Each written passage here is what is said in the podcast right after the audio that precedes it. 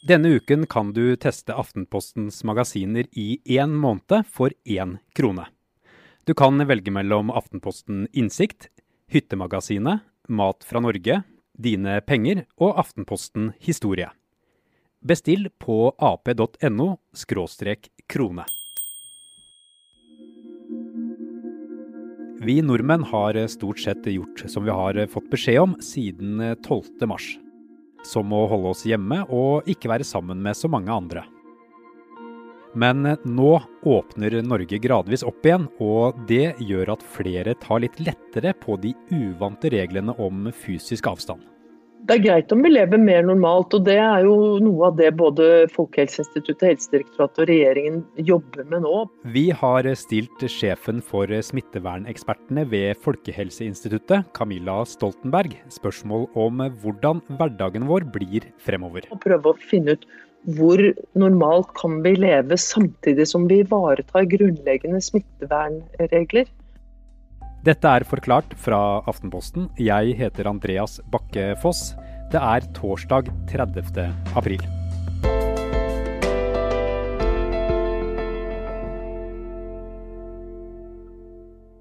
Hvordan kan vi utvikle måter å leve på som gjør at livet blir best mulig, og at vi kan arbeide og økonomien går rundt, samtidig som vi eh, sørger for at smittespredningen holdes nede. Har dere noe gode svar på det? Vi har jo en del svar på det, og det er jo noe vi har jobbet med nå ganske lenge.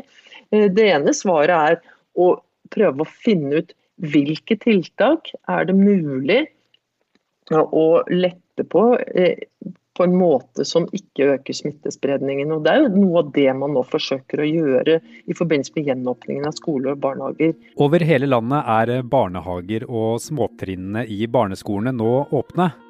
Og Foreløpige tall viser at barn ikke har en så stor rolle i smittespredningen. Men dette kan vi ikke vite for sikkert. Og hvis det viser seg at det stemmer at det er mulig å gjøre dette på en eh, måte som, som ikke øker smittespredningen i samfunnet, så eh, er jo da tanken at da erstattes det tiltaket, og kanskje også flere tiltak, med mer intensiv, mer intensiv eh, testing. Mye lavere terskel for å bli testet. Og smitteoppsporing, isolering og karantene.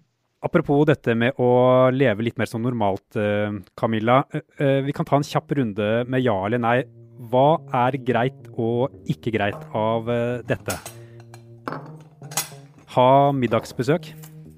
Det er helt greit, hvis man bare kan sørge for at man kan holde avstand. Og så kan jo de som lever sammen sitte i grupper, så man trenger avstand mellom gruppene, ikke mellom alle enkeltindividene. Grille i parken med en vennegjeng? Det er det samme som gjelder der. Eh, det går helt fint hvis man holder to meters avstand til de andre som ikke er nærkontakter. Klemme familiemedlemmer? Klemme familiemedlemmer? Ja, De man bor sammen med, kan man gjerne klemme. Vise noen eh, noe på mobilen? Ja, det, da bør man eh, vaske hendene både før og etter, faktisk. Før for å unngå å smitte den som eier mobilen, eh, eller den som da skal ta imot mobilen, og etter fordi man ikke selv skal bli smittet. Så det beste er jo da å ikke gi mobilen fra seg, men bare vise det fram uten å la den andre ta på den, hvis det skulle gå. Spise potetgull av eh, samme bolle? Nei, eh, ikke hvis man ikke bor sammen. Men hvis man bor sammen, så kan man gjøre det. Sitte på i bil? Det er det samme der. Hvis man er nærkontakter, altså hvis man bor sammen eh, eller har definert det som de aller nærmeste, så går det bra. Og hvis ikke, så blir det for tett gå forbi folk på samme fortau? Ja, det går bra. Bare hold avstand. Er det vanskelig Camilla, å balansere dette hensynet til å kommunisere at det går bedre og bedre, samtidig som man skal passe på at vi ikke sklir ut og, og, gir blanke? Det er jo en balansegang, men jeg tror at folk har veldig god kunnskap etter hvert eh, om hvordan dette fungerer. Så jeg tenker at det det handler om for oss alle, og det merker jeg jo på meg selv også, det er å få noen enkle regler å forholde seg til. Det er en del ting som må på plass før vi kan returnere til det livet vi en gang levde før koronakrisen. For selv om vi har kontroll på viruset nå, så er vel den mulig å miste igjen? Det er jo folk som er smittet ute i samfunnet. Selv om det er få, eller vi tror det er få i dag, så har vi fortsatt ikke oversikt over alle. Det er det ene. Det andre er at det kan komme folk eh, fra andre land. Det er jo noe kontakt. Eh, og eh, det betyr at over tid så vil det være nesten umulig å ha helt stengte grenser. De har heller ikke vært helt fullstendig stengt nå. Og da kan det være at noen blir smittet. Hver dag blir noen smittet. Og det betyr også at hvis vi ikke da finner de som er smittet fort, og setter dem, altså isolerer dem fra andre, og finner de de har vært i kontakt med, så kan smitten spre seg slik den gjorde opprinnelig. Så fordi dette ser ut til å kunne vare en stund, så, så kan det selvfølgelig komme ut av kontroll. Men Hvordan ser dere for dere smitteforløpet fremover i Norge nå, Camilla? La oss si frem til nyttår. Det er viktig at vi hele tiden er oppmerksomme på at det kan komme uh, ny, større smittespredning enn den vi har nå. Uh, og Det betyr at vi må være forberedt på at det kommer nye bølger. Men det betyr ikke at det er sikkert at det gjør det. Det ene scenarioet er at vi greier å fortsette å holde kontrollen samtidig som vi tar opp igjen uh, et mer normalt liv. Med et slikt scenario vil det finnes smitte i samfunnet til enhver tid men at hver enkelt smitter færre enn én person i snitt. Men så må vi hele tiden være forberedt på at det er ikke sikkert at vi klarer å holde den kontrollen. For det er veldig krevende. Og det er eh, både ting som vi selv kan beherske, altså det å holde avstand, følge alle reglene, som påvirker det. Men det er jo også ting som vi selv ikke har kontroll over. F.eks. om det kommer flere fra andre land eh, inn med smitte der det er mer smitte. Stoltenberg sier de ikke forventer en ny bølge med smitte nå de nærmeste ukene. Men det de forventer, er at de skal klare å holde kontrollen. Det betyr også at smittespredningstallet, eller reproduksjonstallet, det betyr det antallet som hver enkelt smitter, videre, at det holder seg enten under én eller bare går så vidt over én. Og da, da, da, kan du si altså, vi, kan jo, vi kan jo tegne bilder, slik vi jo faktisk gjør når vi modellerer. Eh, der vi kan tenke oss at det kommer mer ut av kontroll, og da kan man få nye bølger. Enten allerede i sommer eller i høst.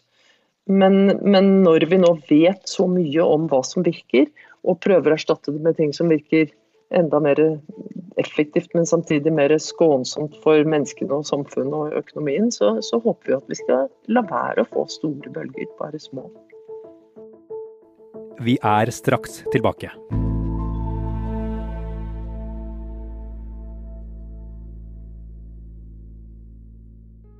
Vi nordmenn vi liker ofte å sammenligne oss med våre naboer svenskene.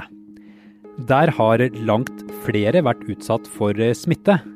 Betyr det da at flere svensker blir immune, og at de vil komme raskere tilbake til hverdagen igjen enn oss nordmenn? Det kan hende. Men eh, det store spørsmålet er jo hva som skjer i mellomtiden. Eh, nå er det mye høyere dødelighet, mange flere dødsfall. Både i antall, men også i forhold til innbyggertallet i Sverige enn det er i Norge. Og det eh, tror jeg er veldig bra at vi ikke opplever, av flere grunner. For det første fordi det er forferdelig og dramatisk for de som selv blir alvorlig syke eller mister noen.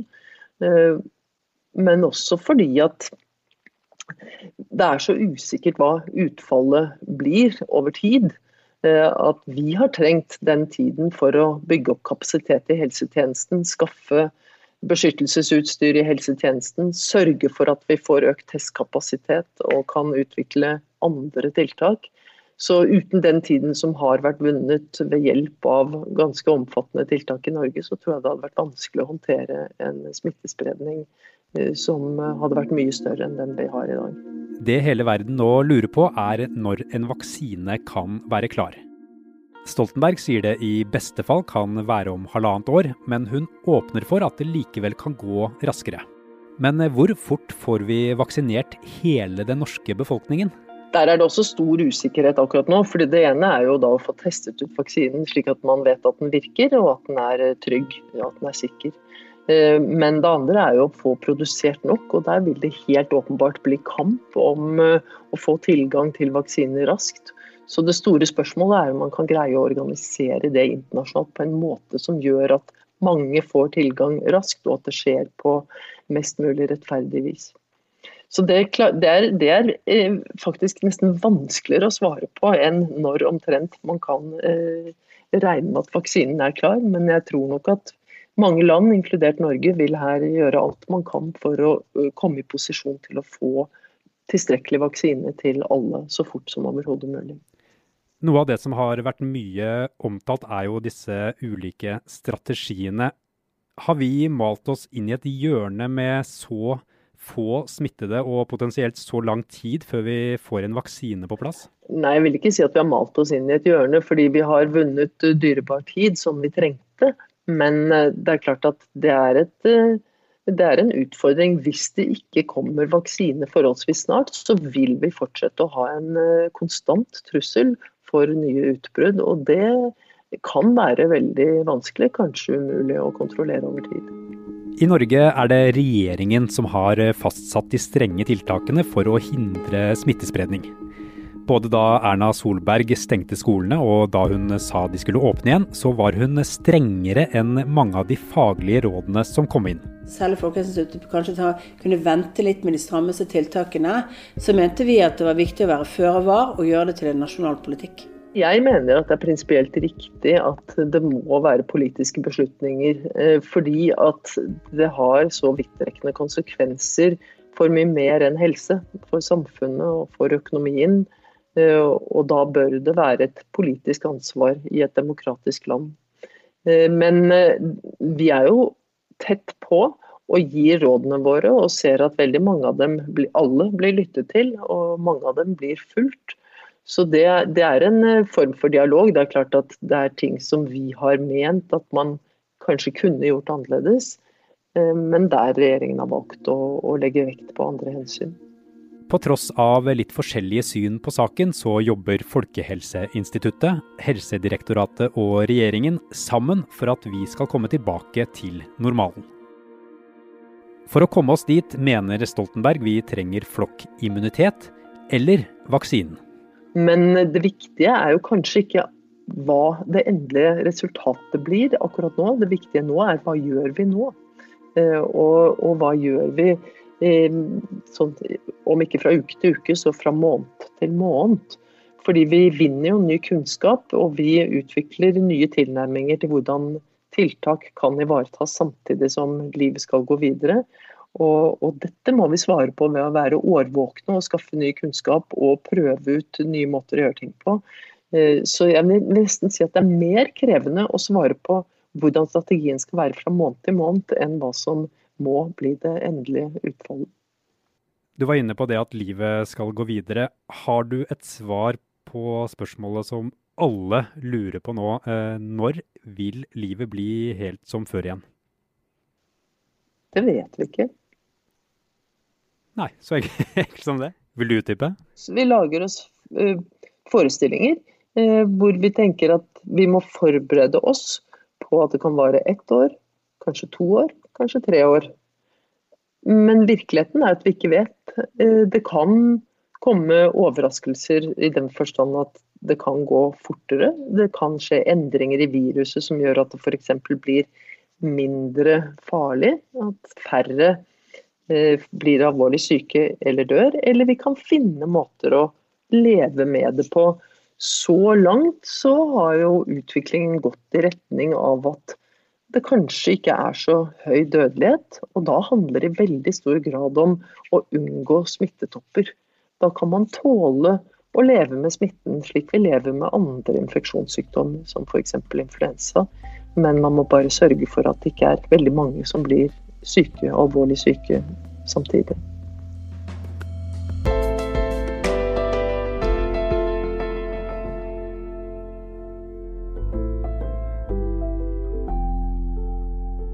Forklart lages av Caroline Fossland, Anne Lindholm, Fride Næss Nonstad og meg, Andreas Bakke Foss.